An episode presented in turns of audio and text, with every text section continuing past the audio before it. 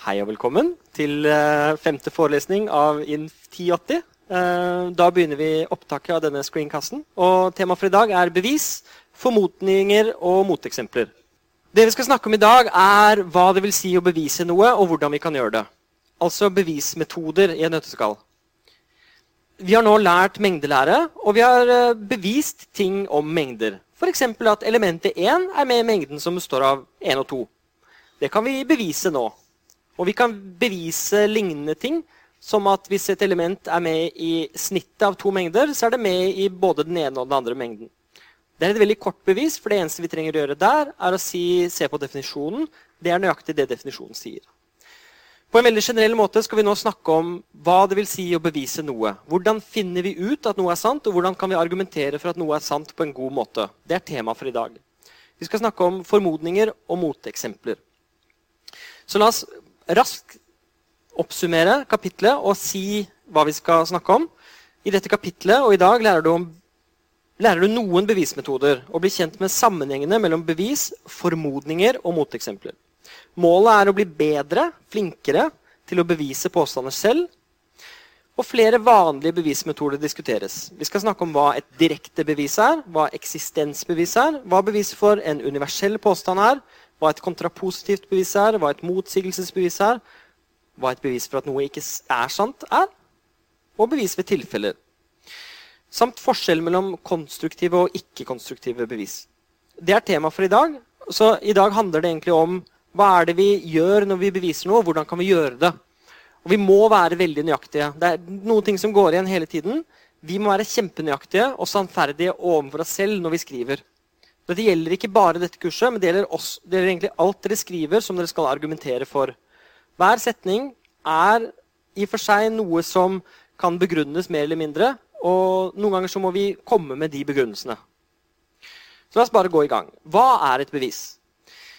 Et bevis, eller på engelsk proof, for en påstand fra en mengde gitte antakelser er en rekke logiske slutninger som viser hvordan vi kommer fra antakelsene til påstanden.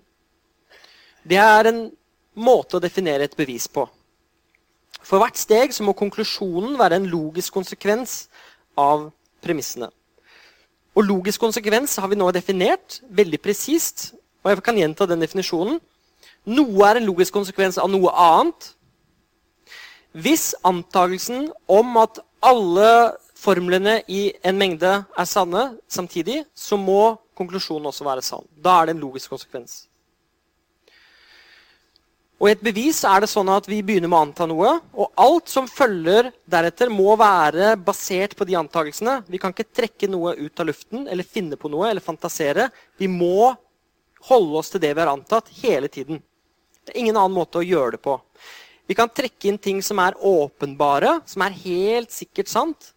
Så du kan godt bruke det faktum at den mengden av er lik mengden A eller sånne selvfølgeligheter. Men i utgangspunktet skal alt følge fra antakelsene.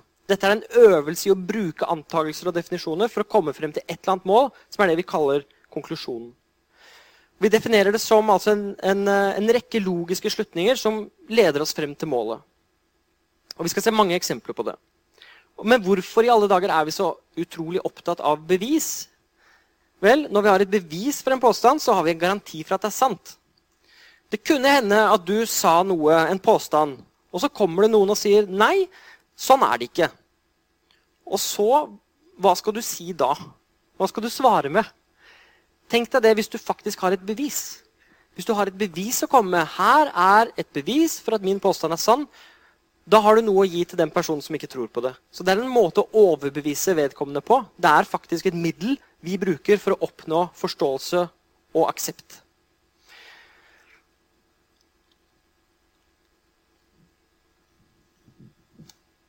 Det som bevises, og hva vi kan bevise, avhenger direkte av hva vi antar. Oh, vi skal ikke snakke om det ennå. Um, jeg kom bort til en knapp her. Det var egentlig siste siden som jeg tenkte å si noe om hvis vi har tid. Uh, det handler om sjokolade, og det er veldig gøy.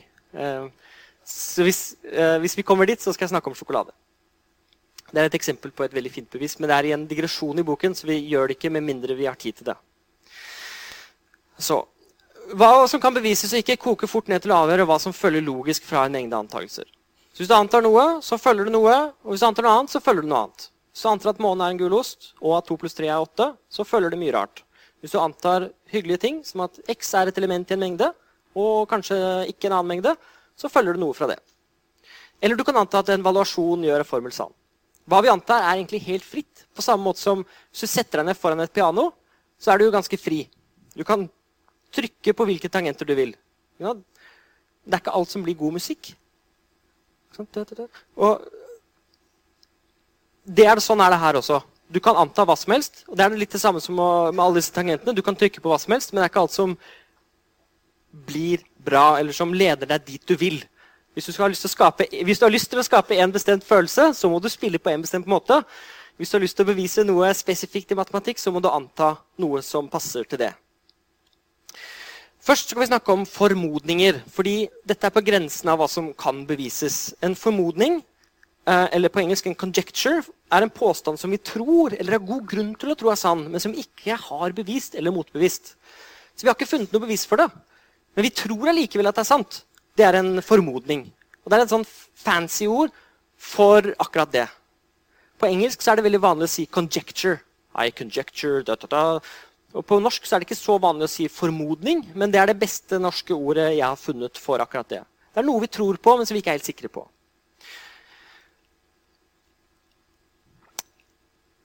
Jeg leste for øvrig akkurat en bok av Robert Kaplan og Ellen Kaplan som heter 'Out of the Labyrinth', som handler om matematikksirkler for barn. Og Der har de fått seksåringer til å si sånne setninger som 'Formodningen din er usann. Jeg har et moteksempel.' Seksåringer. Og det er så fint, fordi dette fanger inn eh, noe av essensen i hva vi holder på med. Vår mission, vår oppgave, er å finne ut hva som er sant, og så bevise det. Så finner vi ut at noe er sånn at vi tror på det, men vi klarer ikke å bevise det. Så la meg gi noen eksempler på sånne ting som vi, menneske, som vi mennesker har klart å koke opp, men som vi ikke har klart å bevise. Goldbachs formodning, eller Goldbachs conjecture, sier at ethvert partall større enn to kan uttrykkes som summen av to primtall. Det er bare en påstand. Og dere vet hva primtall er. Et primtall er sånn som ikke kan deles opp mer. Det er en sånn atom i tallverdenen. Fem for eksempel, kan ikke deles opp i to uh, biter. som Når de er ganget sammen, så blir de fem. Så det er de minste bitene vi har. Syv også er sånn. Men ni, ni er ikke et primtall fordi tre ganger tre er ni. Så den kan deles opp mer. Så de udelelige bitene, det er primtallene.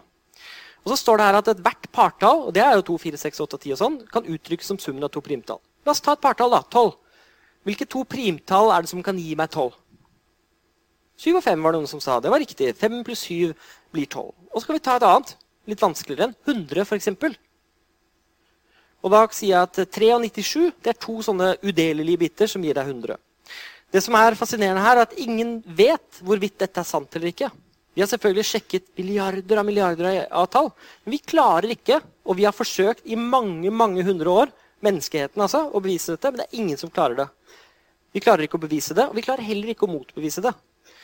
Et motbevis, eh, eller et moteksempel, ville jo vært eh, et eller annet partall, f.eks. 1000 eller 1200 eller noe sånt, som ikke kan uttrykkes som, to primtall. Men det er det ingen som har funnet. Og vi har brukt datamaskiner og søkt og søkt og søkt. Vi har brukt vår uh, mentale kapasitet, men ingen har klart å løse dette. Så det er ett eksempel på noe som er veldig lett å formulere, noe enkelt å formulere, men som er veldig vanskelig å svare på. Og sånne ting dukker opp hele tiden. Og det, Dette gjør meg ydmyk. Ydmyk i forhold til hvor utrolig enkelt det er å formulere noe som det er umulig å finne svaret på. Vi tror vi er så himla smarte i denne verdenen i 2014, men i løpet av én setning så kan jeg si et bitte lite problem som ingen klarer å svare på. La oss ta en annen formodning. Collatses formodning. Um, la oss definere sekvenser av tall på følgende måte. Dette er en lek. Hvis det siste tallet i sekvensen er et partall, så skal vi um, legge til halvparten av tallet bak som en nytt tall i sekvensen. Så vi deler det bare på to. Hvis det ikke er et partall, hvis det er et oddetall, så skal vi bare gange med tre og plusse med én. Dette er bare noen regler jeg har funnet på. Hvis det er partall, da kan vi dele det med to, så da gjør vi det. Hvis det er et oddetall, så gjør vi noe annet. Vi ganger med tre og plusser med én. Med andre ord, et eller annet tall x skal etterfølges av x delt på 2 hvis x er et partall, og 3x pluss 1 hvis x er et oddetall. Dette er veldig abstrakt, så bare la meg vise dette konkret. La oss begynne med 2. Hva sier regelen? Vi skal legge til halvparten. Det er jo 1. Sånn, ferdig. Det var enkelt. La oss begynne med 3. Hva er det som skjer med 3? Vi kan ikke dele på 2. det går ikke, så da må vi gange med 3 og plusse med 1. Så hva er 3 ganger 3 pluss 1? Det er 10. Da må vi legge til ti. Nå må vi dele på to fordi det er et partall. Hva får vi da? Fem. Nå er det et oddetall igjen, så da må vi jobbe. Gange med tre og plusse med én. Da får vi 16. Fordi 5 ganger 3 pluss 1 er 15 pluss 1, som er 16. Og da kan vi dele på 2. Og dette er fint, fordi 16 er delt på 2. Da får vi 8. 8 er delt på 2, da får vi 4. Og så får vi 2, og så får vi 1. Bam! Vi er nede på 1 igjen.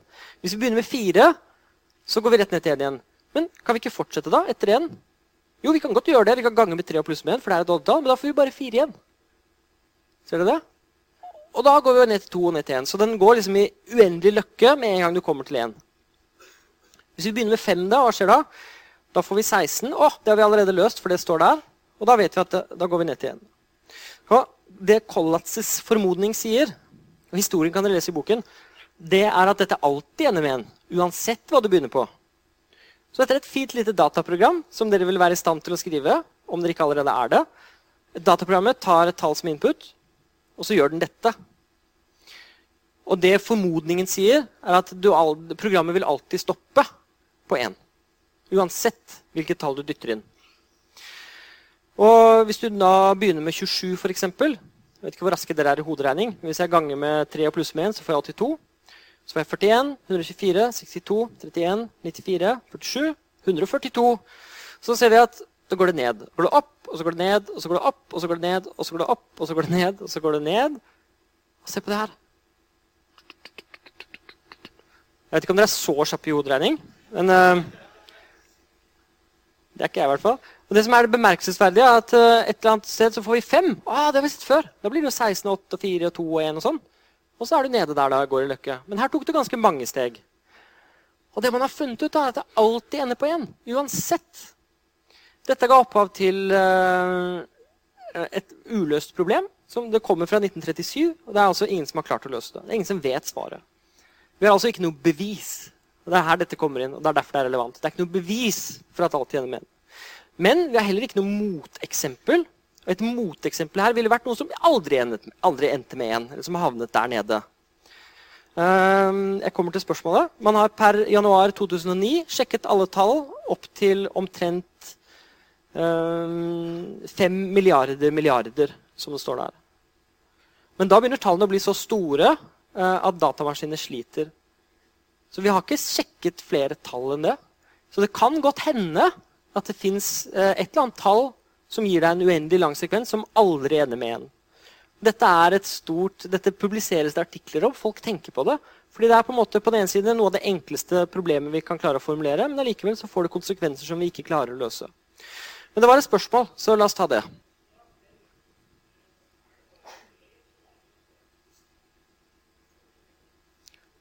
Spørsmålet er om uh, dette bare er en lek, eller om det er noen praktisk nytte av denne formodningen. Og I dette tilfellet så kan jeg nesten garantert si at det er ingen praktisk nytte overhodet. Dette er et eksempel på hvor utrolig lett det er å formulere noe som vi ikke har svaret på. Dette har praktiske konsekvenser i den forstand at det forteller oss at når dere skal lage dataprogrammer, så er det utrolig enkelt å lage programmer som dere ikke kommer til å ha peiling på hva gjør. Så dette er et eksempel som kan brukes til å illustrere akkurat det. Om dere lager et dataprogram som handler om et biblioteksystem eller et eller annet oversettelse fra et språk til et annet, så er det innenfor den konteksten også utrolig enkelt å lage programmer som du ikke vet konsekvensene av. Denne formodningen ga opphav til denne tegneserien, eh, som jeg varmt kan anbefale. XKCD um, heter den. Uh, og han regner og regner, og som det står der, hvis du fortsetter dette lenge nok, så vil vennene dine til slutt, vennene dine til slutt ikke ringe deg for å se om du har lyst til å være med dem. Så XKCD kan anbefales. Eh, det er ganske mye i XKCD som er relevant eh, for informatikk og dette kurset. Men dette er den eneste tegneseriestrippen vi skal se. Siste formodningen jeg skal nevne, er Polias formodning. og Den har de aller, aller færreste hørt om, men jeg har lyst til å nevne den som et eksempel. Ethvert tall kan faktoriseres til primtall. Igjen disse primtallene. da. Litt slitsomt, men, men, der er de igjen. da. To er lik to. Den har bare én faktor, sier vi. Og tre har bare én faktor, men fire har to faktorer, så den kaller vi like. Så vi, vi setter bare nå merkelapper på tallene i forhold til, eller mm, hen, i, mm, med tanke på hvor mange faktorer de har. Vi teller bare faktorene. Skjønner du det? Så hvis vi tar fem, da, det går det ikke an å dele opp mer, så den kaller vi for odde. Seks kan vi dele opp i to faktorer, så den kaller vi for like. Bare kaller den for det. Det er noe, dette er ikke noe absolutt definisjon. fordi Det er ikke en definisjon av oddetallet partall. Det er bare en merkelapp vi setter på de tallene som har to faktorer. Dette her er bare et eksempel, så dette trenger dere ikke å huske. Uh, ingenting av dette er spesielt viktig i seg selv. De eksemplifiserer noe viktig. Åtte derimot har tre faktorer. Det er to, to og to. Så den er igjen odde, da.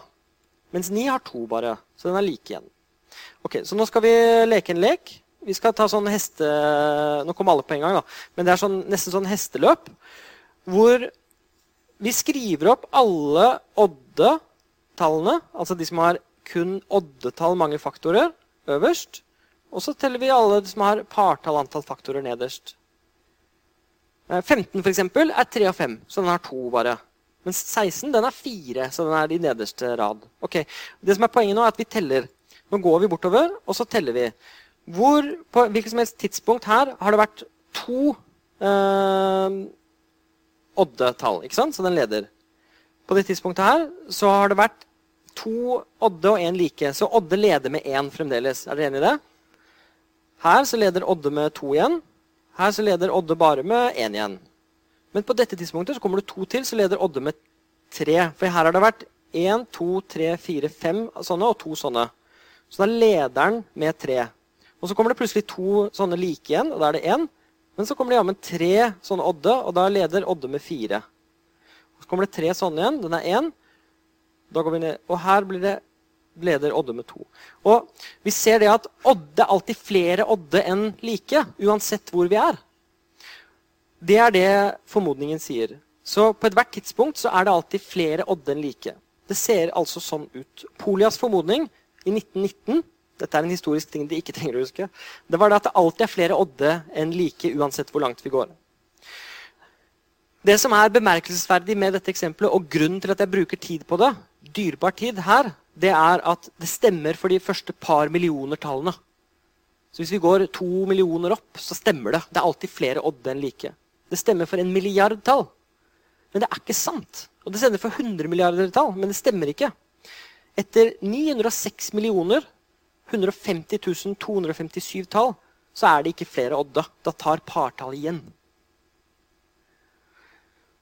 I 1958 så klarte man å bevise det, eh, men beviset var ikke det vi kaller konstruktivt. Man klarte å bevise det, men det var ikke noe konkret moteksempel, bare et estimat på at moteksempelet var rundt 10 opphøyd i 361. Et veldig stort tall hvor det ikke var tilfellet lenger. I 1960 så kom man med et moteksempel, og i 1980 så fant man da dette tallet, som er det minste moteksempelet. Når vi er på det tallet, så bikker det akkurat over, og så tar partallene over. Og så går det tilbake igjen til oddetallene. Men det beviser, det eksempelet beviser at påstanden, formodningen, ikke var sann. Han hadde en formodning. Han Han var ganske smart. Polia var et geni. ikke sant? Men i 1919 så sa han dette må være sant, fordi det stemmer. Jeg har sjekket det for 1000, 2000 og 3000. Han hadde ikke datamaskiner, så det var litt vanskelig for han eh, å sjekke 906 millioner tall automatisk. Men vi klarer det. Og det stemmer faktisk ikke. Og dette forteller at vi må være veldig forsiktige. Fordi noe stemmer for en milliontall, så er det ikke sikkert at det er sant. Det kan stemme for 100 milliarder tall, og det er ikke allikevel sant. Jeg ser det at uh, Det var et spørsmål. Ja.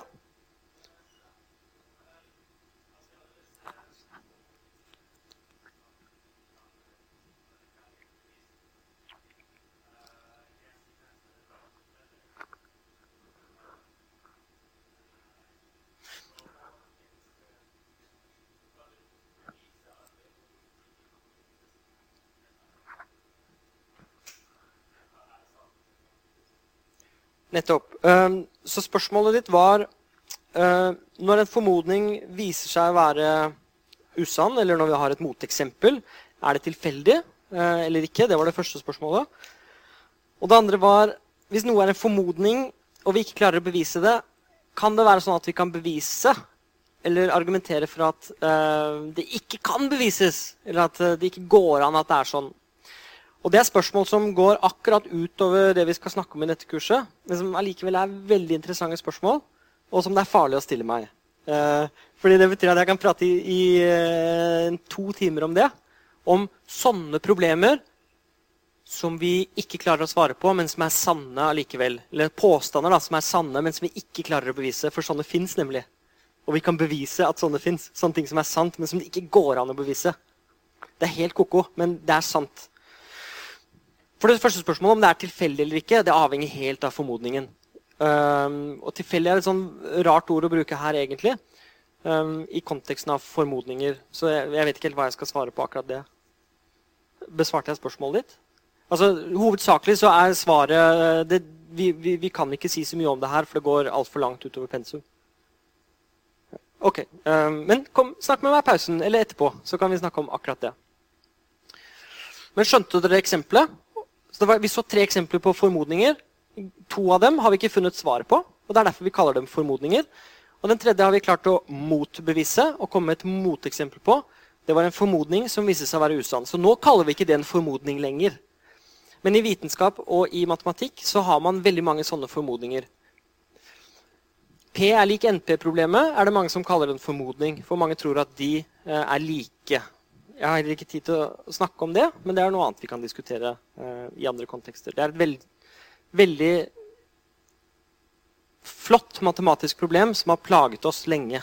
Altså, med oss så mener jeg mennesker på, på jorda. Eh, vi har ikke klart å finne svar på det.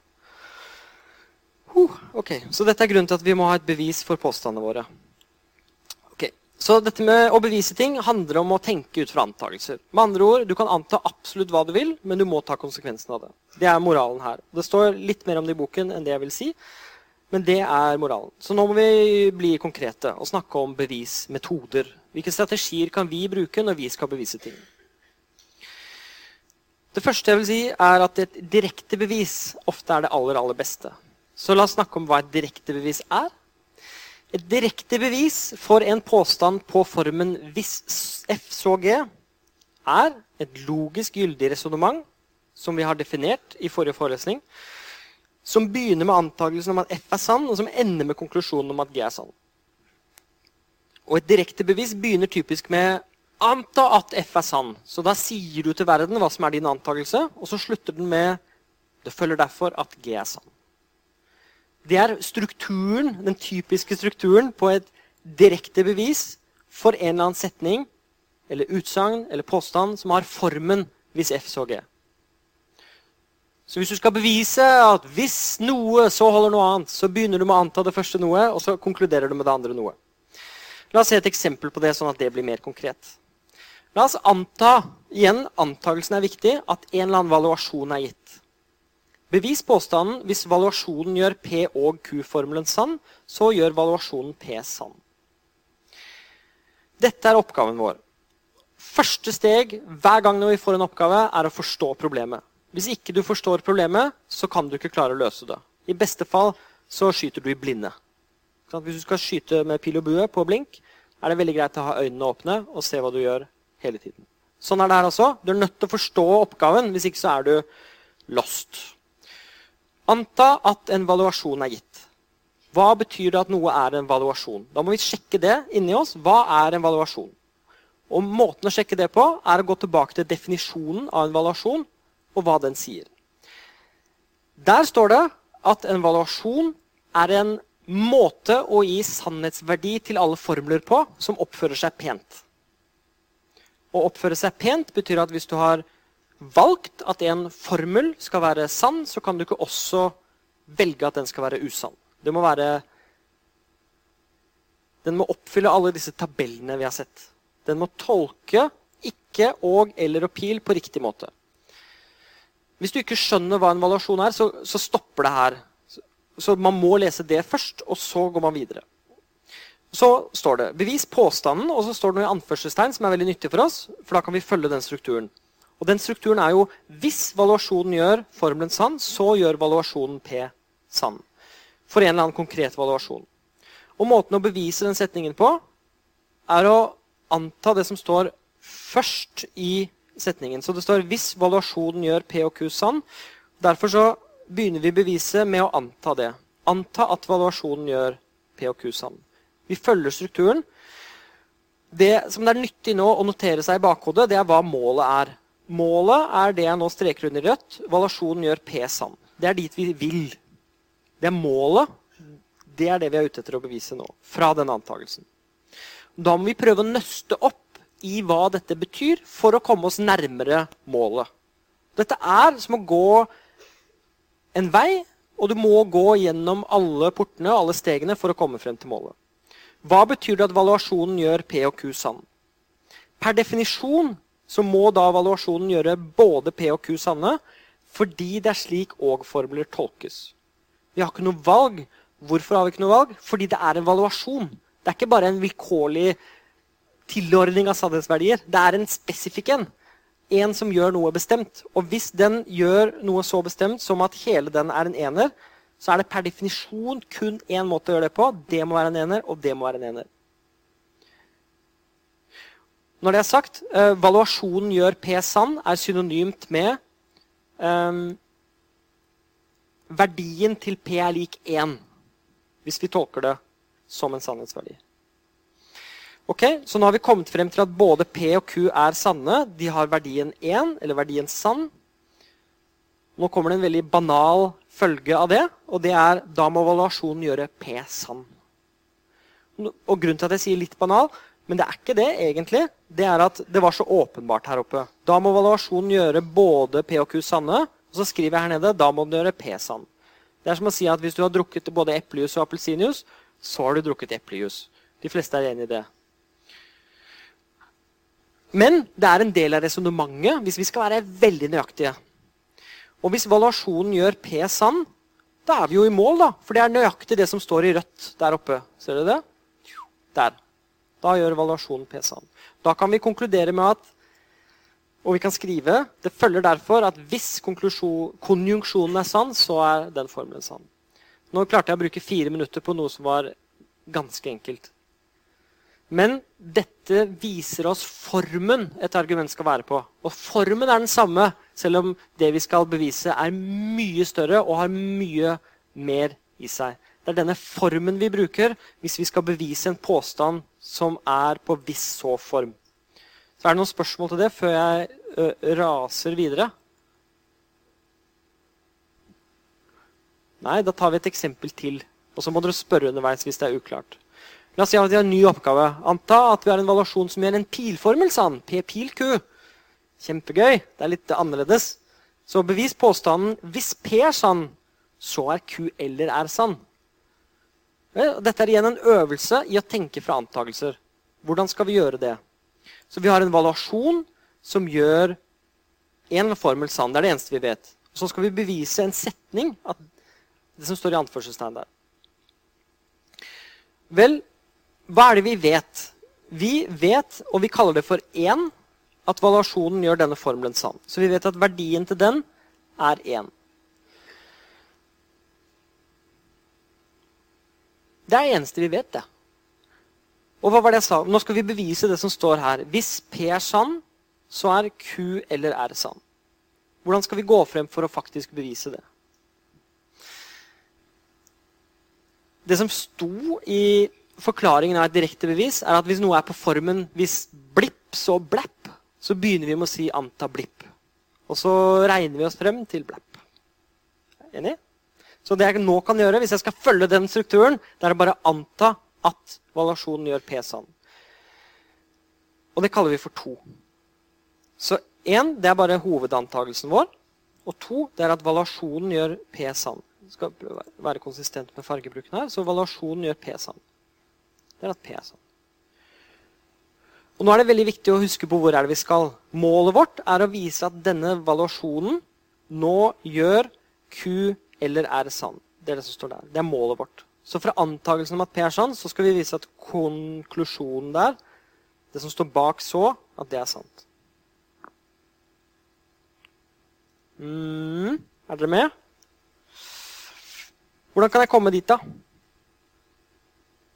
Hvordan kan jeg komme meg et steg nærmere det at Q eller R er sann?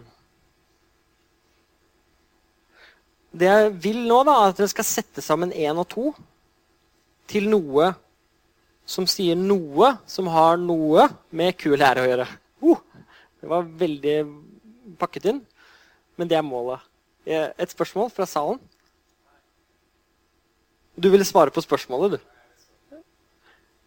Ja, men Forsøk å svare på spørsmålet, så kan jeg gjenta det i plenum.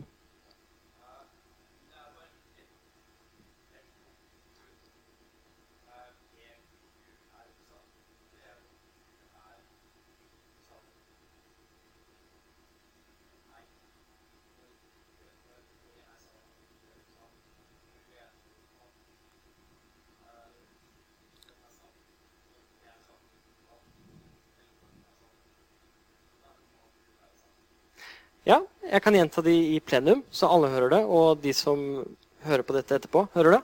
Det du sa, var at det er én måte å gjøre pilformelen P pil Q usann på. Det er hvis P er sann og Q er usann. Men den er sann. Um, og vi har at P er sann, og derfor må Q også være sann. Det går ikke an at Q er usann. Det er en helt fin måte å argumentere på. Vi kan skrive fra 1 og 2 følger det at Q er sann. Og så står det noe der som ikke skal stå der. Sånn. Det var Fra 1 og 2 følger det at Q er sann. Og Det er flere måter å argumentere for det på. Du kan gi et argument som du ga, som jeg gjentok, eller du kan sette opp en sannhetsverditabell. Men jeg vil anbefale å gjøre det muntlig eller skriftlig. og bare si det på denne måten. Hvis du har 1 og 2, så er du også forpliktet til det som står der, at Q er sann. Fordi hvis P pil Q er sann formel, og P også er sann, da må Q også være sann. Det er mange måter å si det samme på. Da må Q eller R være sann, fordi det er sånn eller-formler tolkes. Vi har nå funnet ut at Q må ha verdien 1. Og da må den også ha verdien 1. Uavhengig av R. Men det er jo nøyaktig det som står her oppe, at Q eller R er sann. Og da har vi kommet dit. Så antakelsen om at P er sann, leder til konklusjonen om at Q eller R er sann. Vi kan derfor konkludere med at påstanden holder, og påstanden er det som står i anførselstegn helt der oppe. Så dette er én måte å bevise en påstand på. Igjen så er påstanden på formen 'hvis noe' La meg gjøre det systematisk. Hvis uh, noe, så noe annet. Og så begynner vi her nede med å anta noe. For det er det samme som står der. ikke sant? Og så jobber vi. Tukke, tukke, tukke, jobber ned. Og så kommer vi til at det der er sant. Så på en eller annen måte så begynner vi med antakelsen her i blått. Og så jobber vi og jobber vi, og jobber vi, og så kommer vi frem til det som står der. Ved å kun bruke antakelsene. Det er det dette handler om. Er det noen spørsmål til dette før jeg tar enda et eksempel? Ja? Ok, Spørsmålet var hva hvis antakelsen er feil? Og det er den ikke. Fordi vi antar at, vi antar at noe er sant. Eh, og da antar vi det, og da er det valgt.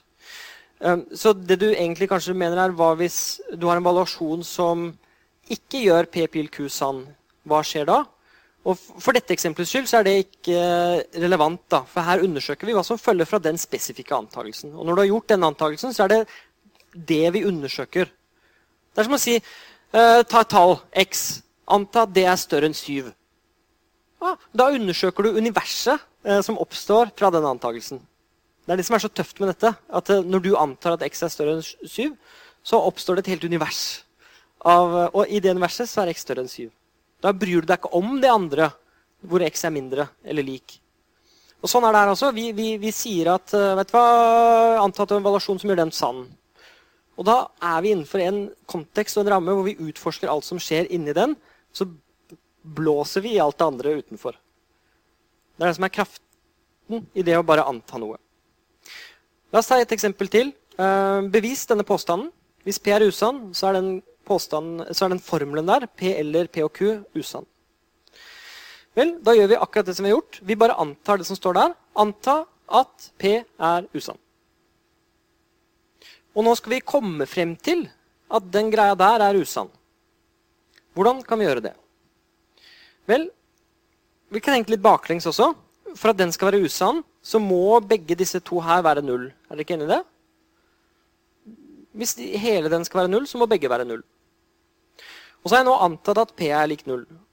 Nå bare setter jeg noen sånne små kruseduller her og der, bare for å um, understreke det som står der. Det er tilstrekkelig, det som står der med, med tegn, men eh, jeg, jeg, føyer til litt. Hvis P er usann, så må P og Q også være usann. Fordi hvis den er null der, uavhengig av hva som står her, så blir eh, verdien til den null. Fordi det er sånn og-formler tolkes. Det er definisjonen av tolkning av og-formler.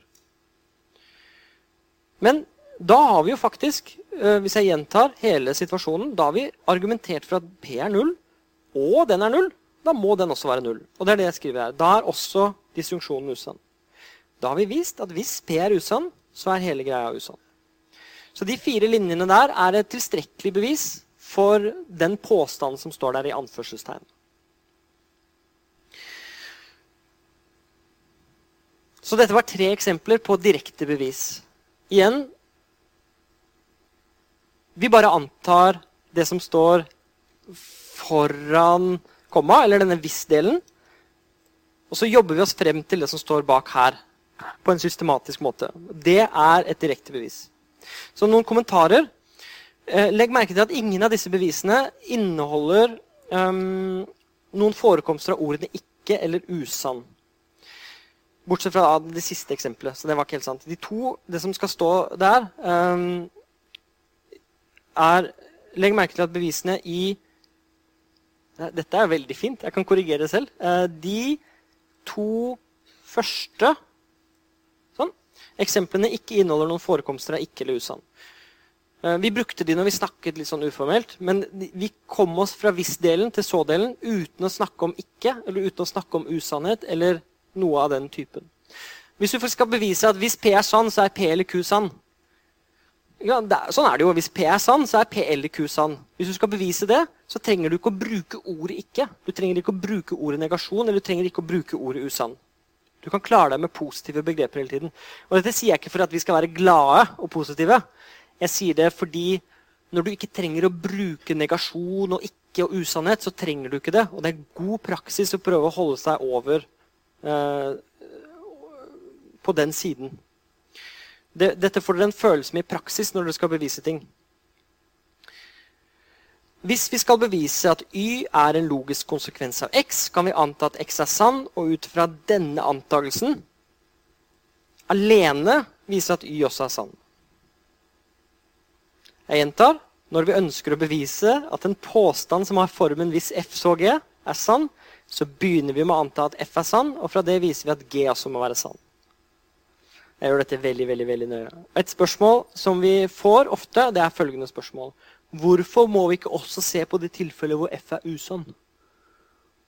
Da, det, da, blander vi denne usannheten. Men det er mange som lurer på det. Hvorfor må vi ikke også ta hensyn til det hvis vi skal bevise det som jeg nå setter en blå firkant rundt. Hvis f så g. Vi skal bevise det. Hvorfor trenger vi ikke også å ta med i betraktning det tilfellet hvor f er usann?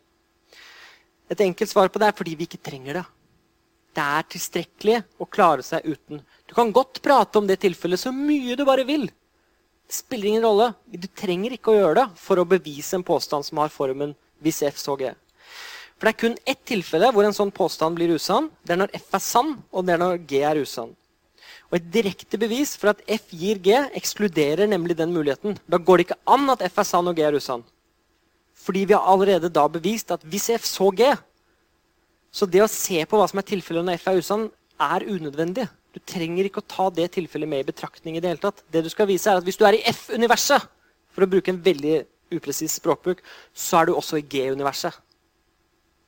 Fordi under antakelsen med F så følger det at G så det er uh, det vi kaller direktebevis. Er det noen spørsmål til det? Dette er den enkleste formen for bevis og den strukturen som vi møter om igjen og om igjen. Og om igjen. Og Sånne direkte bevis er ofte nøstet inn i hverandre. For du sier 'hvis noe, så noe'. Og plutselig inni dette noe så er det en annen 'hvis så'-setning. Og da må man være veldig nøye på hvilket nivå man er. Men dette går fint i praksis så lenge man holder tunga litt i munnen. Den neste formen for bevis er et eksistensbevis. Og det er så enkelt at det går veldig fort å si det. det er en, en eksistenspåstand er bare en påstand som sier at noe eksisterer. Hvis jeg sier at noe fins, så er det en eksistenspåstand. Hvordan beviser du en sånn? Hvordan beviser vi eksistenspåstander? Vi beviser dem helt enkelt ved å finne objektet som gjør påstanden sann. Og Sånne bevis kalles for eksistensbevis. Existential proof. La oss se på to enkle eksempler. Det fins et naturlig tall x som er slik at x pluss x er lik 8. Det er en eksistenspåstand. La oss bevise det, at det finnes et naturlig tall x, sånn at x pluss x er lik 8. Er det noen som har et forslag? Ja. Fire. Eh, og da kan jeg si det. Bevis. La x være tallet fire. Da må x pluss x være lik 4 pluss 4, som er lik 8. Dette er et bevis. Det er et av de minste bevisene jeg vet om, men det er et bevis for en påstand som er en eksistenspåstand. Så vi må se på formen på det vi skal bevise. Hvis formen er på 'hvis så form, så bruker vi gjerne direkte bevis. Eller finne på noe smart. Hvis noe er på eksistensform, så bruker vi et eksistensbevis. Og en måte å gjøre det på er bare å finne ut hva som faktisk skal være tilfellet. Hvis vi sier nå det finnes en valuasjon som gjør formelen P pil ikke P sann. Er det sant? Det fins en valuasjon som gjør formelen P pil ikke P sann. Vel, jeg påstår at det er sant. Og la meg gi dere et bevis. Det er derfor vi har bevis, tross alt. Så bevis.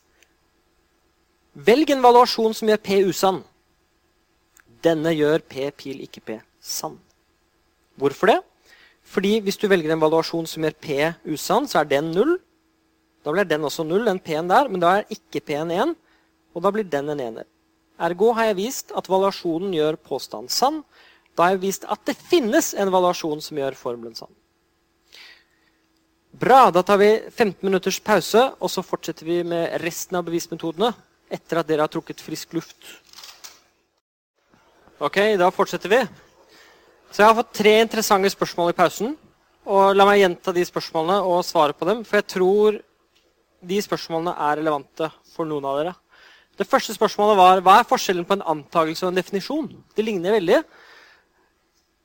Svaret er egentlig det er nesten det samme. Men en definisjon er på en måte en global antakelse som du gjør for hele kurset eller hele boken eller i en eller annen større kontekst. Og antakelser er litt som minidefinisjoner. For du antar her at noe skal tolkes som noe. F.eks. at P skal være en helt konkret uh, formel eller ha en bestemt sannhetsverdi. Og Da lager man seg sånne mini-universer. Så Hvis du antar F, så får du et univers uh, hvor F er sann. Hvis du inni den antakelsen antar R, f.eks., da får du et mini-univers inni der hvor R er sann. F er fremdeles sann, men R også. Og inni der så kan du kanskje anta at S er sann.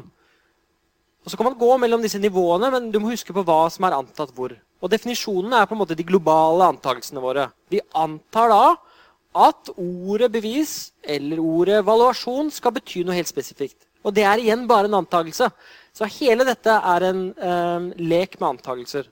Og med lek så mener jeg ikke noe tullete som bare barn gjør. Jeg mener at det er noe som vi kan eh, eksperimentere med. På samme måte som man eksperimenterer med Lego. Kan lage kule ting med Lego. Det andre spørsmålet var sånne eksistenspåstander. Hvis de ikke er sanne, hva da? Hvordan motbeviser du en eksistenspåstand? Eller hva er et moteksempel til en eksistenspåstand? Og Det er også et veldig godt spørsmål, fordi da skal du jo eh, bevise at noe ikke finnes. At noe faktisk er umulig, at det ikke kan eksistere. For det er jo motsatt at noe eksisterer, det er at det ikke eksisterer. Og det eksempelet som jeg kom på da i farta, det var jo Abel og femtegradsligninger. Så dere har sannsynligvis slitt med disse annengradsligningene i skolen. Disse x i annen pluss 5x pluss 3 er lik 0. Det er en typisk annengradsligning fordi det står x i annen. Og så har du en sånn fin formel som det er veldig moro å regne ut selv hvis man kjeder seg på forelesning, som er denne ABC-formelen. Så vi, Det eksisterer, det finnes en eh, måte å løse annengradsligninger på med sånne formler. For vi kan bare sette inn i formelen. Og Det gjør det for tredje og fjerde også. Men for femtegradsligninger så eksisterer det ingen sånn formel som vi bare kan sette ting inn i. Og da har vi en eksistenspåstand. Og det er at uh, for femtegradsligninger, eller for n er lik 5, så finnes det en sånn formel. For å motbevise den påstanden, nemlig at, og da bevise at det ikke fins, krever mye mer arbeid enn å bevise at noe fins. Og det er generelt mye vanskeligere å bevise at noe ikke eksisterer, enn at noe gjør det. Fordi det å bevise at noe eksisterer, det er å vise at det fins. Noen spurte dette var veldig abstrakt, men kan du gjøre noe mer fysisk. Og da kan du godt si det at uh, det finnes en uh, bil som kjører raskere enn 200 km i timen. Hvis det er påstanden. Et bevis for den påstanden er jo da den bilen som faktisk kjører raskere enn det. Da har du et fysisk bevis for en påstand. Det er helt ok, så lenge det er noe som beviser at påstanden er sann. Det tredje spørsmålet, den tredje kommentaren kom fra en av gruppelærerne som, uh, som var ute i solen akkurat nå. Han sa det at uh, dette går bra. Vi er, vi er, godt i gang i dette kurset nå. Vi er allerede på kapittel fem, og det virker som studentene skjønner det. Men så minte han meg på noe, og det var Men de må gjøre det. Det går ikke an å lære seg om bevismetoder uten å gjøre det. Og det har han så ufattelig rett i. Så hvis dere bare leser om dette, sitter og hører på meg, og aldri gjør det, så kommer dere aldri til å lære det. Dette er som å sykle. Du kan, du kan lese om å sykle. Du kan se på syklevideoer hele natta lang, men du lærer deg ikke å sykle på den måten. Du er nødt til å komme deg opp på sykkelen og sykle. Det samme med å spille tuba eller sjonglere. Du kan lese om det og nyte det, men du må gjøre det for å lære deg det. Så det er samme type kunnskap. Det å bevise noe er et håndverk som man kan bli god i. Og den godheten handler om å identifisere formen på argumentet, bruke disse metodene og finne frem til målet. Ett et spørsmål.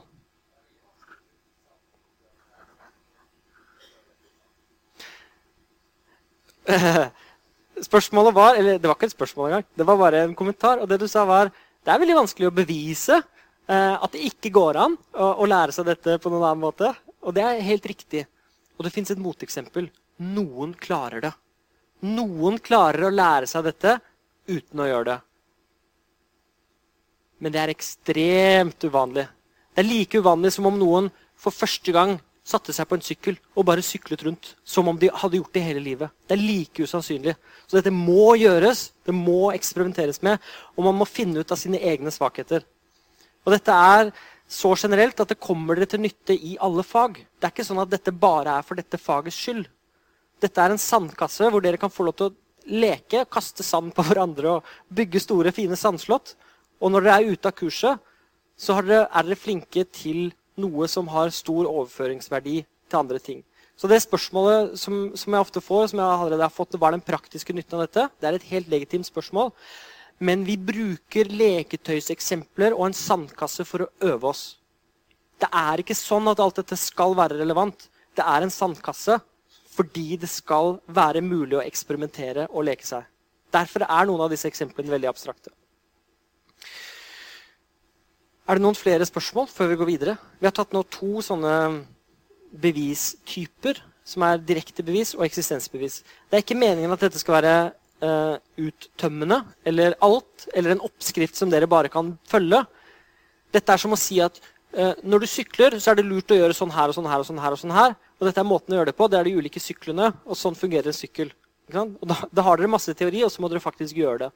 Veldig ofte så er det en blanding av alle disse metodene. Og de, de fletter seg inn i hverandre på måter som man ikke kan uh, forutsi. Så dette er bare tommelfingerregler og retningslinjer og noen tips på veien. Men det er en veldig vanlig måte å systematisere bevismetoder på. Og systematisere dem avhengig av formelen på det man, formen på det man skal bevise. Så hvis det er en viss så-form, bam, direkte bevis. Hvis det er en eksistensform, bam, eksistensbevis. Dette er egentlig bare merkelapper på noe som er sunn fornuft. Egentlig så handler det om noe er sant, det skal vi bevise. Gjør det. Nå kommer en sånn metode til som er nyttig å ha sett, men som heller ikke er noen fasit eller som er noe man alltid kan bruke. Det er bevis ved tilfeller. Det er en annen vanlig bevismetode. Det kalles ofte 'proof by cases' på engelsk. Og også bevis ved uttømmelse, eller 'proof by exhaustion'. Hvis et, her deles et bevis opp i mindre deler som til sammen dekker det vi skal bevise, og hver enkelt del blir bevist hver for seg. Så det er en sånn splitt og hersk-teknikk. Du har en, noe som du skal bevise, og så kan du dele det opp i mindre biter, og så gjør du hver enkelt bit, og så sier du at 'nå er jeg ferdig'. La oss ta et tulleeksempel. Igjen et sånn leketøyseksempel på det.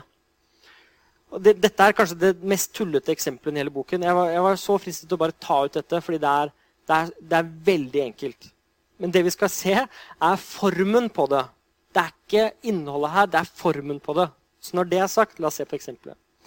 La A være mengden som består av tallene 1 og 2. La B være mengden som består av tallene 1, 2, 3 og 4. Vis at A er en delmengde av B. De aller, aller fleste matematikere, studenter og mennesker, hvis de har da lest definisjonen av delmengda, ville sagt at dette her er åpenbart gå videre. Kom an. Ikke bruk opp tiden vår. Så jeg skal bruke litt tid på det allikevel, fordi det er formen som er viktig. Her kommer et bevis for at den påstanden A er en delmengde av B, er sann. La X være et element i A.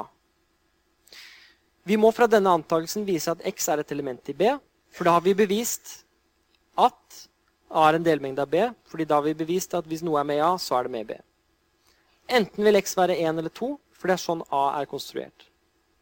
A inneholder to elementer, så X må være 1, eller så må X være 2. I begge tilfeller så er X et element i B. Fordi B inneholder 1, 2, 3 og 4. Vi kan konkludere med at X er et element i B, og dermed at A er en delmengde av B. Grunnen til at det eksempelet er der, det er at vi bare deler opp i to. Vi sier at A består av to elementer, og uansett hvilken du velger, så er det med B. Den samme måten å dele opp et tilfelle på i mindre biter gjør at vi får det som heter bevis ved tilfeller. Det fins mye bedre og mer naturlige eksempler enn dette, men det er essensen i et sånt type bevis. Du bare sørger for å dekke alle. Okay. Bevis for universelle påstander skal vi bruke mer tid på. Det er mer interessant. Universelle påstander er påstander som sier noe om alle objekter av en bestemt type. På akkurat samme måte som vi hadde eksistenspåstander om at det finnes noe. F.eks. alle partall er delelige med to, eller enhver valuasjon som gjør P sann, må gjøre P eller Q sann.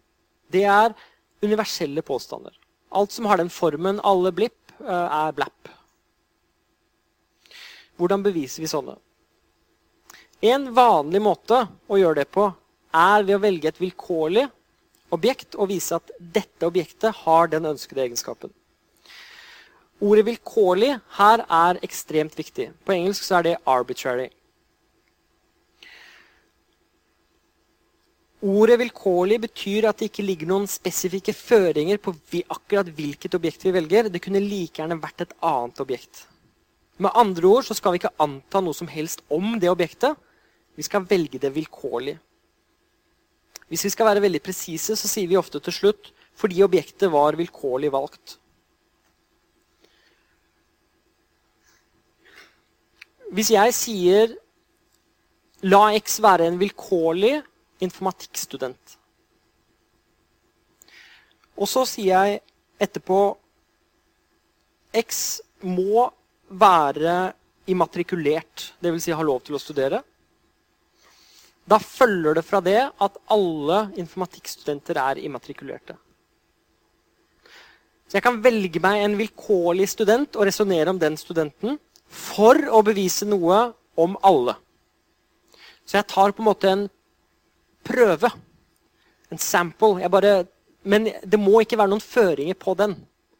Så Hvis jeg vil bevise noe om alle tall, så sier jeg la x være et tall. Og så resonnerer jeg om hva den x-en må være, og så konkluderer jeg med fordi x har den egenskapen, til slutt, så må alle ha det. For jeg kunne valgt hvilket som helst i det argumentet. Det er en veldig kraftig teknikk og nyttig. Vi velger oss en vilkårlig en, og så resonnerer vi om den. Og så konkluderer vi med noe universelt. La oss se på et eksempel. Vis at enhver valuasjon som gjør P sann, også må gjøre P eller Q sann. Med andre ord at P eller Q faktisk er en logisk konsekvens av P. Men det er en annen, det er, det er definisjonen av logisk konsekvens. Men beviset for denne fordi den her har en universell form. Det står 'enhver valuasjon', så, og så står det noe for, om den formelen. Så beviset er velg en vilkårlig en en vilkårlig valuasjon, og anta at denne gjør P sann. Da ligger det to ting i det. mer enn to. Det ligger tre. Fire. Det, ligger, det er en valuasjon. Og I det ligger det veldig mye. Så er den vilkårlig. Og så antar vi at den gjør P-sand. Så Det er alle antakelsene våre. Vi har valgt en vilkårlig valuasjon som gjør P-sand. Vi, vi zoomer inn på noe som gjør P-sant. Ved definisjonen av sannhetsverditabellen for L-formler så må den også gjøre P eller Q-sand. Akkurat den ene som vi har valgt, denne vilkårlige, uansett hvordan den er, hvis den er en valuasjon og den gjør P-sand, så må den også gjøre P eller Q-sand. Jeg har ikke noe valg. Vi blir tvunget til å akseptere at den bestemte valuasjonen også må gjøre L-formelen sann. Fordi valuasjonen var vilkårlig valgt, følger det at enhver valuasjon som gjør P-sann, også må gjøre P eller Q-sann. Hvorfor det? Fordi hvis det ikke var tilfellet, det vi viser, så ville, vi, så ville det eksistert et moteksempel eller noe som faktisk var sånn at P var sann og P eller Q var usann. Sånn at det ikke stemte. Men vi valgte en vilkårlig evaluasjon. Og da kunne vi like gjerne valgt den. Og for den vilkårlige vi valgte, så stemte det. Og derfor må det stemme for alle. Så hvorfor er det sånn at dette fungerer? Hvorfor, vi, hvorfor, er det lov å argumentere på denne måten? Grunnen er at når vi velger et vilkårlig element, så kan det være hvilken som helst. Det er en representant for alle de andre. Dette elementet blir en plassholder for et hvilket som helst av de andre elementene. Og hvis argumentet vårt funker for akkurat dette elementet som vi har valgt, så må argumentet vårt funke for alle de andre også. Derfor må argumentet holde for absolutt alle. Så La meg ta eksempelet med studenter igjen. Jeg tar et eksempel Jeg velger en vilkårlig student her i denne salen. La oss si at jeg gjør det. Jeg velger en vilkårlig en av dere. Og så finner vi ut noe om, om denne vilkårlig valgte studenten. Vi gjør en prosess, en dialog, vi, vi finner på noe med den vilkårlige. Og så sier jeg det at hvis noe er sant for denne, så må det også være sant for alle de andre. Og det som har skjedd da, er at jeg valgte en vilkårlig. og Det gjør at jeg, det resonnementet jeg gjorde, og den prosessen jeg gjorde, og alt det som skjedde, kunne jeg i prinsippet gjøre med hvilken som helst og komme frem til den samme konklusjonen om at noe var sant eller noe holdt for den spesifikke jeg valgte. Og fordi det må holde for alle enhver, det er det jeg da har bevist, så må det holde for alle. Det ser tre hender i været, og det er bra. La oss begynne der.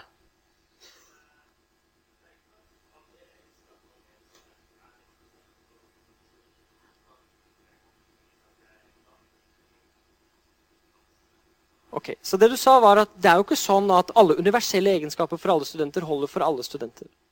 Og så ga du et eksempel med at uh, du er glad, men det er jo ikke alle andre. Så la oss si at jeg velger en vilkårlig student her inne, og så finner vi ut at den studenten er glad. Og så konkluderer jeg logisk med at uh, da er alle studenter her inne glade. La oss si at uh, du ikke var glad. Da var ikke studenten jeg valgte, vilkårlig valgt heller. For da kunne jeg valgt deg og kommet frem til den konklusjonen at du var glad. Så det ligger i ordet vilkårlig at jeg kan velge hvilken som helst når jeg gjør den prosessen. Det er faktisk sånn at hvis jeg velger en hvilken som helst eh, Hvis jeg velger en vilkårlig en av dere og finner ut at den vilkårlige studenten er glad, så følger det logisk at alle må være glade. For da eksisterer det ikke noe moteksempel. Um, skal vi se, Det er mange spørsmål. Kjempefint. La oss fortsette. Nå er det to der. La oss fortsette der.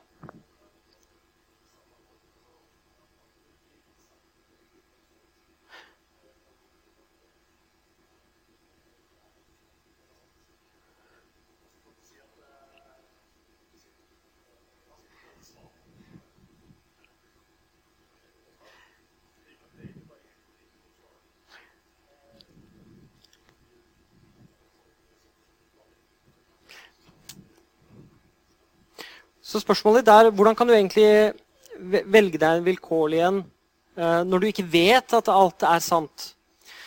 Uh, og nå er det sånn at det er ikke alt som er sant for alle ting. Så hvis jeg velger meg en vilkårlig uh, student eller et vilkårlig tall, og så kommer jeg ikke frem noe sted, da kan jeg ikke konkludere med at alle studenter eller alle tall har den egenskapen.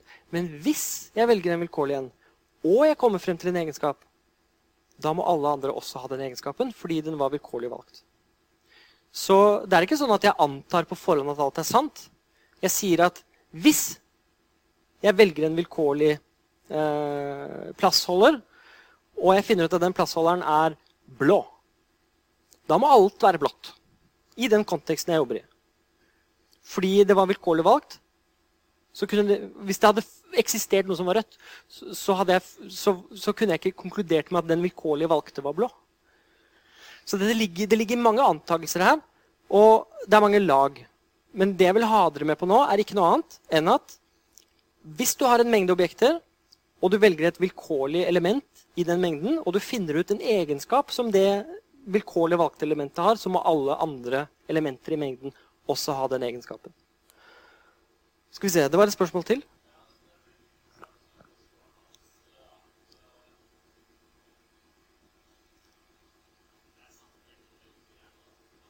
Det stokka seg. Det er helt i orden. Det er veldig vanskelig å holde tunga rett i munnen her, men la oss ta et spørsmål bak der.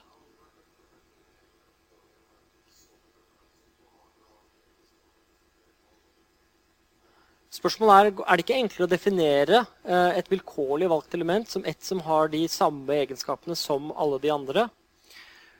Spørsmålet er om det blir sirkulært eller ikke. Så det jeg gjør nå, er å ta ordet vilkårlig eh, som gitt. Jeg antar at vi har en felles forståelse av hva det ordet vilkårlig betyr. Og så jobber jeg meg opp fra det. Hvis jeg skulle definert det ordet, så ville vi måttet jobbe mer. Så jeg vil helst at vi skal være enige om og bli enige om hva det ordet betyr, og jobbe oss opp derfra. Det går sikkert an å definere det, men da blir det et kurs i filosofi. Og, er, og jeg er veldig glad i filosofi, og jeg er veldig glad i å diskutere det. Men uh, men jeg tror ikke det er det vi skal gjøre her. det var flere spørsmål. Eh, besvarte jeg spørsmålet sånn passe? Du nikker og gir tommelen opp. Det er bra. Ja. Eh, Spørsmålet er Jeg forstår det ikke. Har du flere eksempler? Og det kommer. La meg dobbeltsjekke. Uh, ikke der, nei. Uh, det står flere eksempler i boken. Men jeg skal komme på et. Men la meg ta et spørsmål til først.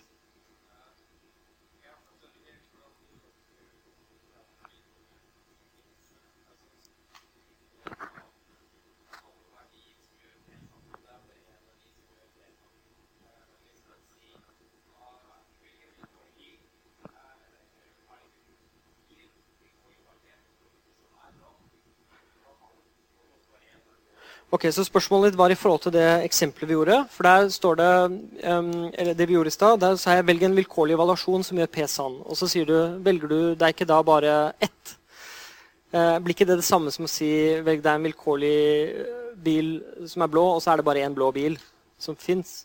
Men det er mange evaluasjoner som gjør P sann. Det er argumentet her.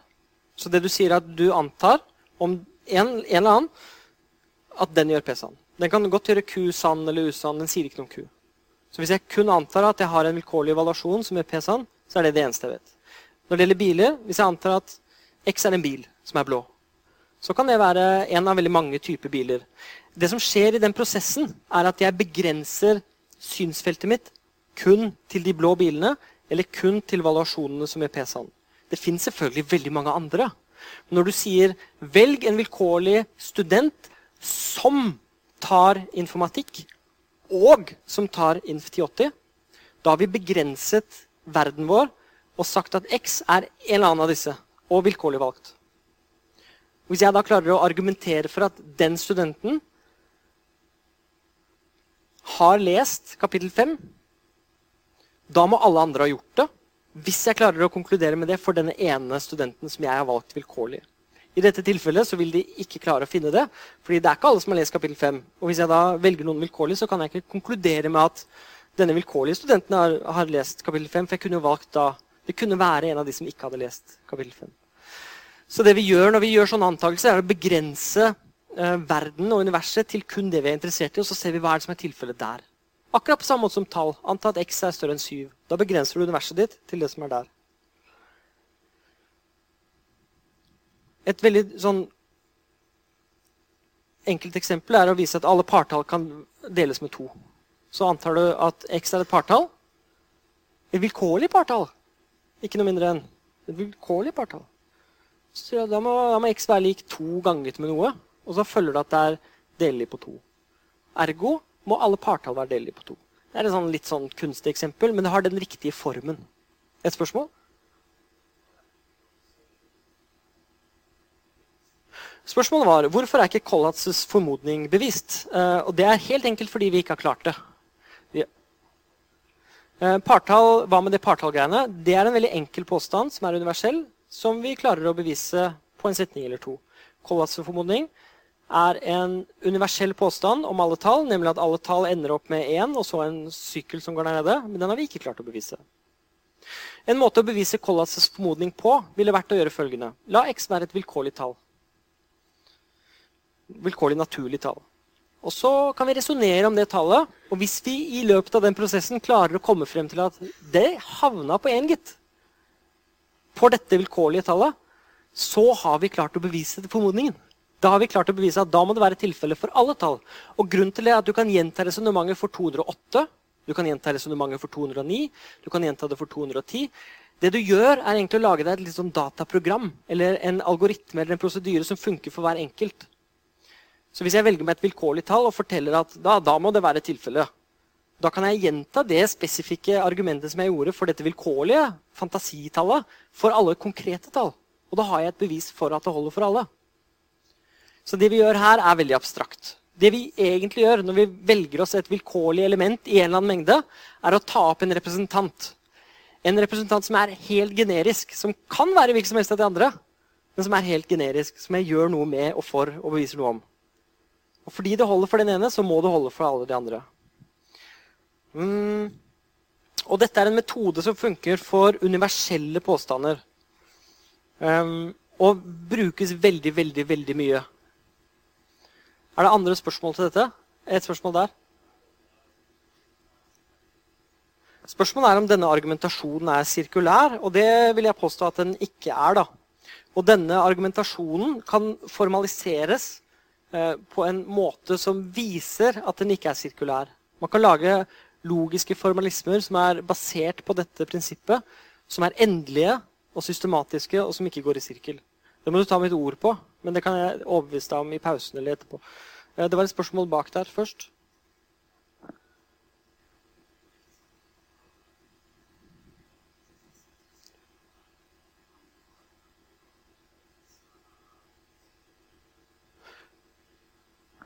Spørsmålet er um, når du antar noe for en gitt mengde, hvordan kan du bevise at noe holder for en uendelig stor mengde? Og det er jo fordi Hvis jeg har en uendelig stor mengde, og så velger jeg meg vilk et vilkårlig element i den mengden, som jeg bare, jeg bare, velger meg en representant for den mengden, så kan jeg være hvilken som helst av dem i den uendelig store mengden. Så hvis jeg da kan konkludere om noe for den vilkårlig valgte, så må det også holde for den uendelig store. Alle partall er delige med to er et sånn teit eksempel på det. fordi det er uendelig mange partall, og jeg har akkurat bevisst at alle partall faktisk er delige med to. Så du kan godt bruke denne metoden for å bevise noe om uendelig store mengder. Det var et annet spørsmål her oppe et eller annet sted. Der.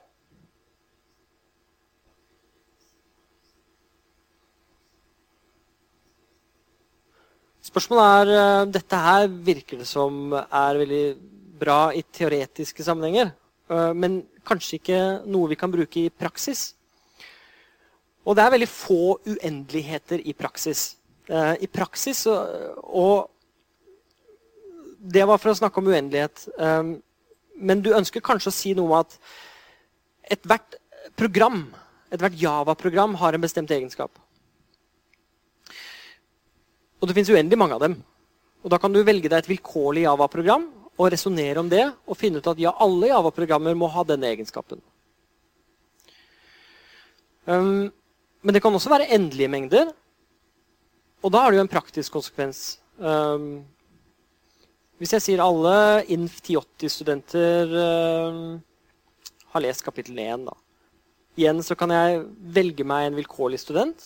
Og Det er et sånn fantasiobjekt. Det er en plassholder, en representant, et vitne, noe, noe sånt. Så resonnerer jeg om den, og så kan jeg konkludere med at noe holder for absolutt alle. Hvis det var faktisk sånn at det holdt for den, da, hvor jeg ikke har lagt noen føringer. Og det, det er veldig viktig, den frasen. Det ligger ikke noen føringer på det objektet, bortsett fra det jeg sier i antakelsen. Så hvis jeg sier et vilkårlig tall som er mindre enn syv, som er større enn fem, og som er et heltall Og det blir seks, det, da. Det var ikke så veldig vilkårlig valgt. Men, jeg kunne, og, men da kunne jeg sagt også vel, et vilkårlig tall som er større enn 1, som er mindre enn 10. Da har vi plutselig litt større rekkevidde. og litt, Da er det litt mer interessant. Men det er likevel sånn at jeg kan snakke om et vilkårlig tall i den konteksten. Er det andre spørsmål? før det kommer flere spørsmål, la meg kommentere på forskjellen mellom vilkårlig og tilfeldig. For det er en veldig viktig forskjell. Hvis jeg sier et vilkårlig valgt tall, så er det noe annet enn et tilfeldig valgt tall. For da snakker vi om en konkret eh, utvelgelse og noe som fins med like stor sannsynlighet som de andre. Men da velger jeg meg en konkret. Det er den enkleste måten å forstå det på. Det er skrevet ut i boken eh, for dere som er nysgjerrig på det. Men tilfeldig, da velger jeg meg noe som har like stor sannsynlighet som noe annet. Et tilfeldig tall eh, mellom 1 og 10 er i en gitt kontekst er det åtte. Mm? Men kan, 8 kan aldri være et vilkårlig tall mellom én og ti. Fordi For et vilkårlighet så kan det ikke ligge noen føringer på det. Da skal det ikke være at det er deler med to, for eksempel, som er en føring. Og det var jo åtte. Så, så, det er en forskjell på vilkårlig og tilfeldig. Så Vi skal velge oss et vilkårlig element og så vise noe om det. Da har vi også bevist noe for alle. Så det fins noe som kan være tilfeldig, men ikke vilkårlig.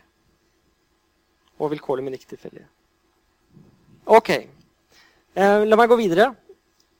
Eh, la oss samle opp de spørsmålene vi har om dette til slutt. Eh, jeg har lyst til å snakke om moteksempler. for det har jeg sagt mange ganger nå, Men la meg gjenta det og gjøre det veldig presist. Hvis en påstand ikke er sann, så er det faktisk umulig å bevise den. Gitt noen antakelser som er veldig um, grunnleggende. Det er noen antakelser om hva et bevis er. Hvis noe faktisk kan bevises, så er det faktisk sant. Men hvis en påstand ikke er sann, så er det umulig å bevise den. Og hvis en påstand i tillegg er universell, så kan vi i prinsippet finne et moteksempel til den. På engelsk er det counterexample. Og det er noe som viser at den ikke er sann, da, hvis det er en universell. Et moteksempel er en form for eksistensbevis. Det er et bevis for at det finnes et tilfelle som faktisk gjør den usann. Så et moteksempel er faktisk et, et form for eksistensbevis. Så et moteksempel til Goldbachs formodning det vil være et partall det som er større enn to, som ikke er summen av to primtall. Hvis noen fant et sånn helt crazy partall som ikke kan uttrykkes som to primtall, da hadde de hatt et moteksempel, og da er vi ferdig med den formodningen. Da er det ikke sant. Men det har vi ikke klart å finne. Et moteksempel til noe som Collatses formodning, hvor alt ender på 421, det er f.eks. en sekvens som er uendelig lang. Masse tall. Uendelig mange, faktisk. Som følger definisjonen, men som aldri havner på én. Som bare går på en eller annen måte. Jeg klarer ikke å forestille meg det engang, men som surrer rundt oppi der. da og aldri havner ned på én. Så la oss ta noen eksempler på moteksempler.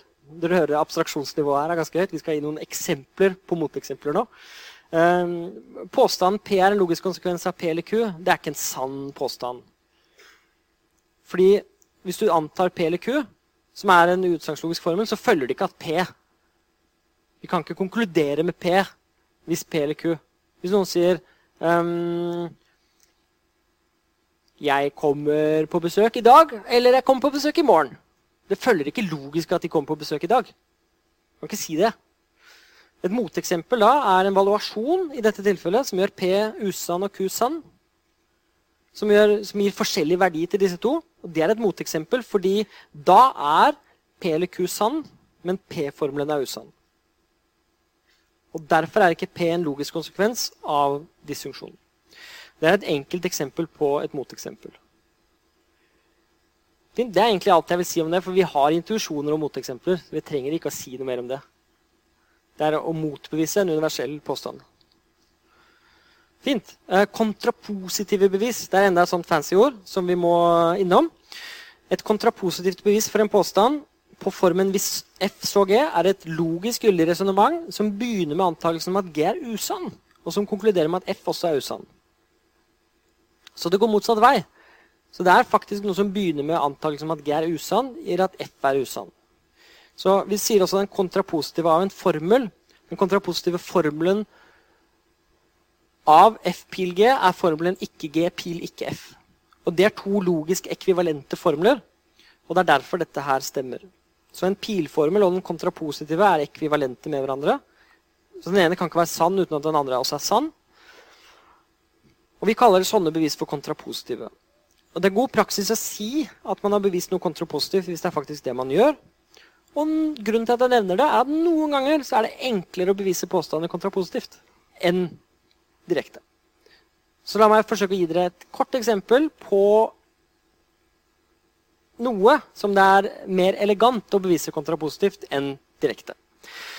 Og mange av disse eksemplene handler om partall og overtall. Jeg håper ikke det er for um, distraherende, men det er på en måte det enkleste fenomenet om tall vi kan snakke om.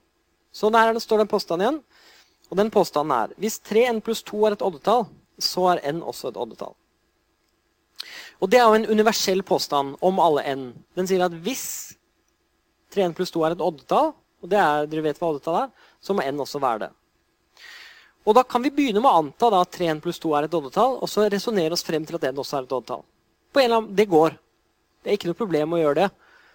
Men i dette tilfellet så kan vi gjøre det motsatte. Vi kan bevise det kontrapositivt. Og det kontrapositive er ekvivalent, og det går som følger. Hvis n ikke er et oddetall, så er heller ikke 3n pluss 2 et oddetall. Og det betyr det samme som det vi skal bevise. Vi har bare snudd om på rekkefølgen og satt negasjon foran. Så da la oss nå zoome inn på den og fokusere på den og bevise den. Hvis n ikke er et oddetall, ja, da er heller ikke 3n pluss, 1, 3n pluss 2 et oddetall. Det er en universell uh, påstand i den forstand at vi velger oss et vilkårlig element n, og så viser vi noe om det. Men her, det vi da beviser om den n, er helt identisk med et direkte bevis. Så vi antar nå at n ikke er et oddetall. Og så skal vi konkludere med at 3n pluss 2 heller ikke er et oddetall. Hvis n ikke er et oddetall, da må n være et partall. Da er vi i gang. Og hvorfor er vi i gang da? Jo, fordi da skal vi gå til 3n pluss 2 og se hva 3n pluss 2 er. Nå har vi antatt at n er et partall. Da er n på formen 2x for et heltall x. Det er, det er, det vi vet om partall, at de er to ganget med noe. Det er omtrent det eneste vi vet om partall. Så da kan vi skrive om n til 2x. Og det vi kan gjøre da, det er å si hva 3n pluss 2 blir. Da setter vi inn 2x for n alle steder hvor det skal skje. Så her står det n, og da setter vi inn 2x for n sånn. Og så regner vi ut det, bare helt sånn mekanisk, og så finner vi ut at det blir 6x pluss 2. Men 6x pluss 2 er jo da på formen 2 ganget med noe, og da må det være et partall. Og da er det ikke et oddetall.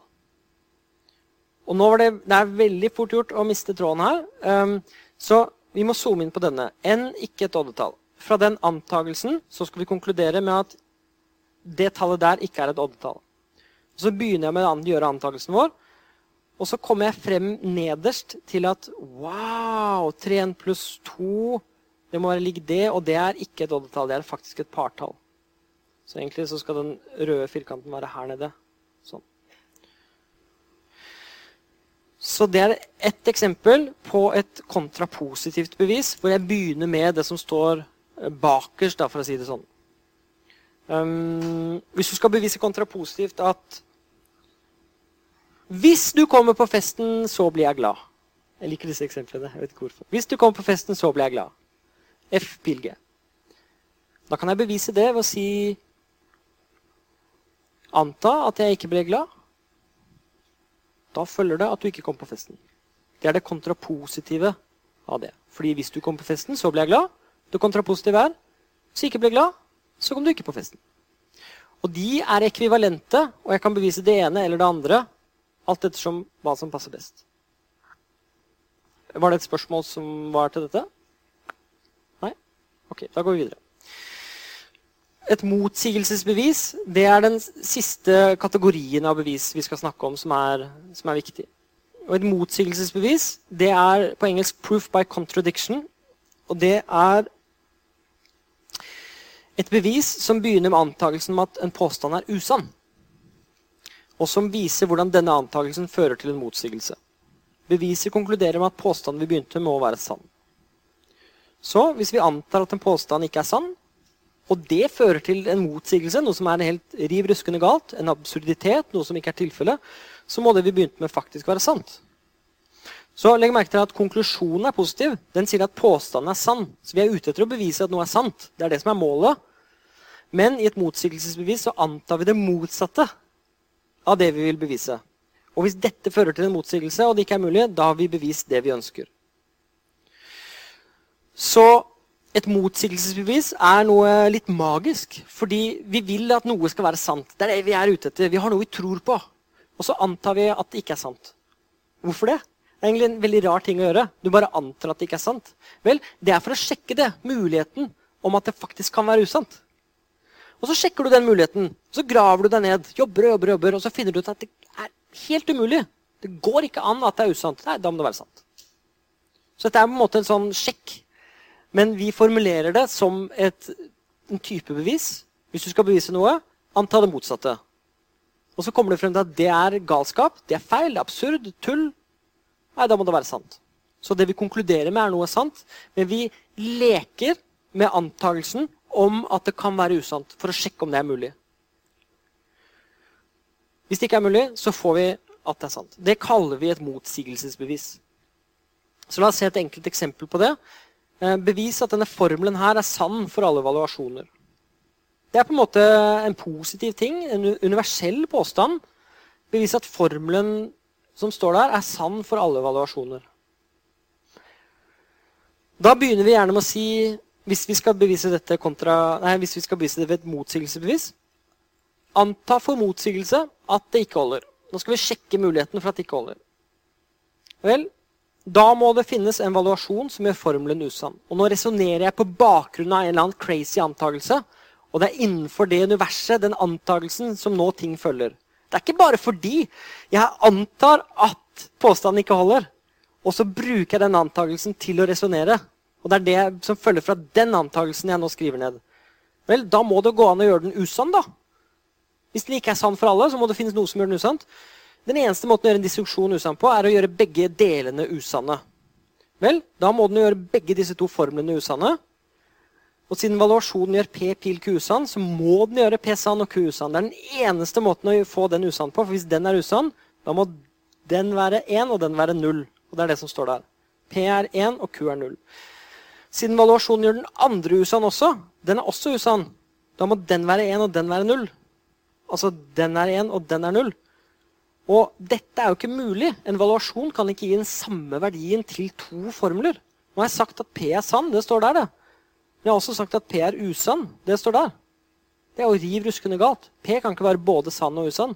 Så ergo har jeg kommet frem til en eller annen motsigelse fra antakelsen min. Og dermed kan vi konkludere med at den er sann for alle valuasjoner. Og dette viser noe av styrken i motsigelsesbevis. Og det er nesten sånn, det er nesten hjernedødt, for det er så mekanisk. Det er sånn, Dette er latskap. Det er å si han skal bevise noe. Ok, vi antar at det er usant, da. Ok, Da følger det at Og så sitter du og regner. Og så blir du enig med deg selv om at alt, ingenting stemmer. Ok, det var sant, da. Og Grunnen til at jeg er litt negativ til motsigelsesbevis, er at det gir deg ikke noen ordentlig innsikt. Det gir deg ikke noen ekte forståelse i mange tilfeller for hvorfor noe er sant. Det er en sannhet med modifikasjoner, men det er tilfellet for motsigelsesbevis. Og noen kommentarer om det. Vi viser at noe er sant ved å vise at det ikke er mulig at det er usant. Det går ikke an at det er usant, derfor må det være sant. Dette forutsetter riktignok at en påstand er sann hvis det bare hvis den ikke er usann. Men sånn er det i vår verden og i utsagslogikk, så det er greit. Men egentlig så ligger det en antakelse der om at noe ikke um, kan være sånn uh, at når noe ikke er usant, så er det ikke sant. Det ble veldig mange negasjoner. Men det ligger en antakelse under der eh, om at noe er tilfellet. Så Sånne bevis begynner ofte med anta for motsigelse at påstanden ikke holder. Og det kalles ofte reductio ad absurdum. Og Det betyr på latin reduksjon av noe til det absurde. Og Det er det vi på en måte har gjort. Vi har redusert noe til noe absurd, noe riv ruskende galt, og derfor kan det ikke være tilfellet. Det kan noen ganger være enklere å bevise noe ved et sånt motsigelsesbevis, men ofte så er det mer enn hva vi faktisk behøver. da. Og så er det et veldig viktig poeng. Det er at motsigelsesbevis ikke er konstruktive på samme måte som eksistensbevis er konstruktive. For da viser vi at noe fins, eller et direkte bevis er konstruktivt. Så jeg skal avslutte Jeg skal snakke to minutter til om forskjellen mellom konstruktive bevis og ikke-konstruktive bevis. Og Det er egentlig det sjokoladeeksempelet som vi ikke rekker, men som dere kan lese om selv. Det handler om det. Så Et motsigelsesbevis er et eksempel på noe som ikke er konstruktivt. Et motsigelsesbevis for en påstand om at noe fins, det trenger nemlig ikke å vise frem objektet som gjør påstanden sann. Og det er det som gjør det til et ikke-konstruktivt bevis. Hvis beviset viser frem eller gir en metode for å finne et objekt, så kaller vi det konstruktivt. Og Dette er det enklere å forstå ved et eksempel. La oss anta at vi forsøker å bevise påstanden at det finnes liv på Mars. Det er en eksistenspåstand, for det står det finnes liv på Mars. Det som er litt sprøtt, er at et motsigelsesbevis for dette ville, et, ville begynne med antakelsen om at det ikke finnes liv på Mars. Og så ender med en motsigelse, og så konkluderer man da at det finnes liv på Mars. Mange, inkludert meg, mener at det ville ikke vært godt nok. Fordi et konstruktivt bevis ville være et bevis hvor vi faktisk finner og påviser at det er liv på Mars. Så det jeg forsøker å fortelle dere forskjellen om, er på den ene siden Hvis du bare antar at det ikke finnes liv på Mars, og så regner du i en helt sånn merkelig måte Bare se for dere at noen faktisk gjør det. De sitter med ligninger og bare bam, bam, bam, bam, bam, regner og regner og regner. og regner. Det ble en absurditet. Det er en motsigelse. Vi har nå bevist at det fins liv på Mars. Så what? Men det er det et motsigelsesbevis er. da. Det er veldig effektivt, men det er ikke konstruktivt.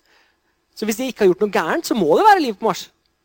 Hvis de ikke har gjort noe gærent, så må det være det. Men noen av oss vil si at vet du hva, et, et bevis Jeg vil helst ha et konstruktivt et. Et hvor du faktisk viser at her er det, her er liv på Mars. Så det er den forskjellen. Eh, les om det. Ta med dere det. Løs innleveringsoppgaver. Ha en god helg. Vi ses på tirsdag. Ha det bra. Klokken er to.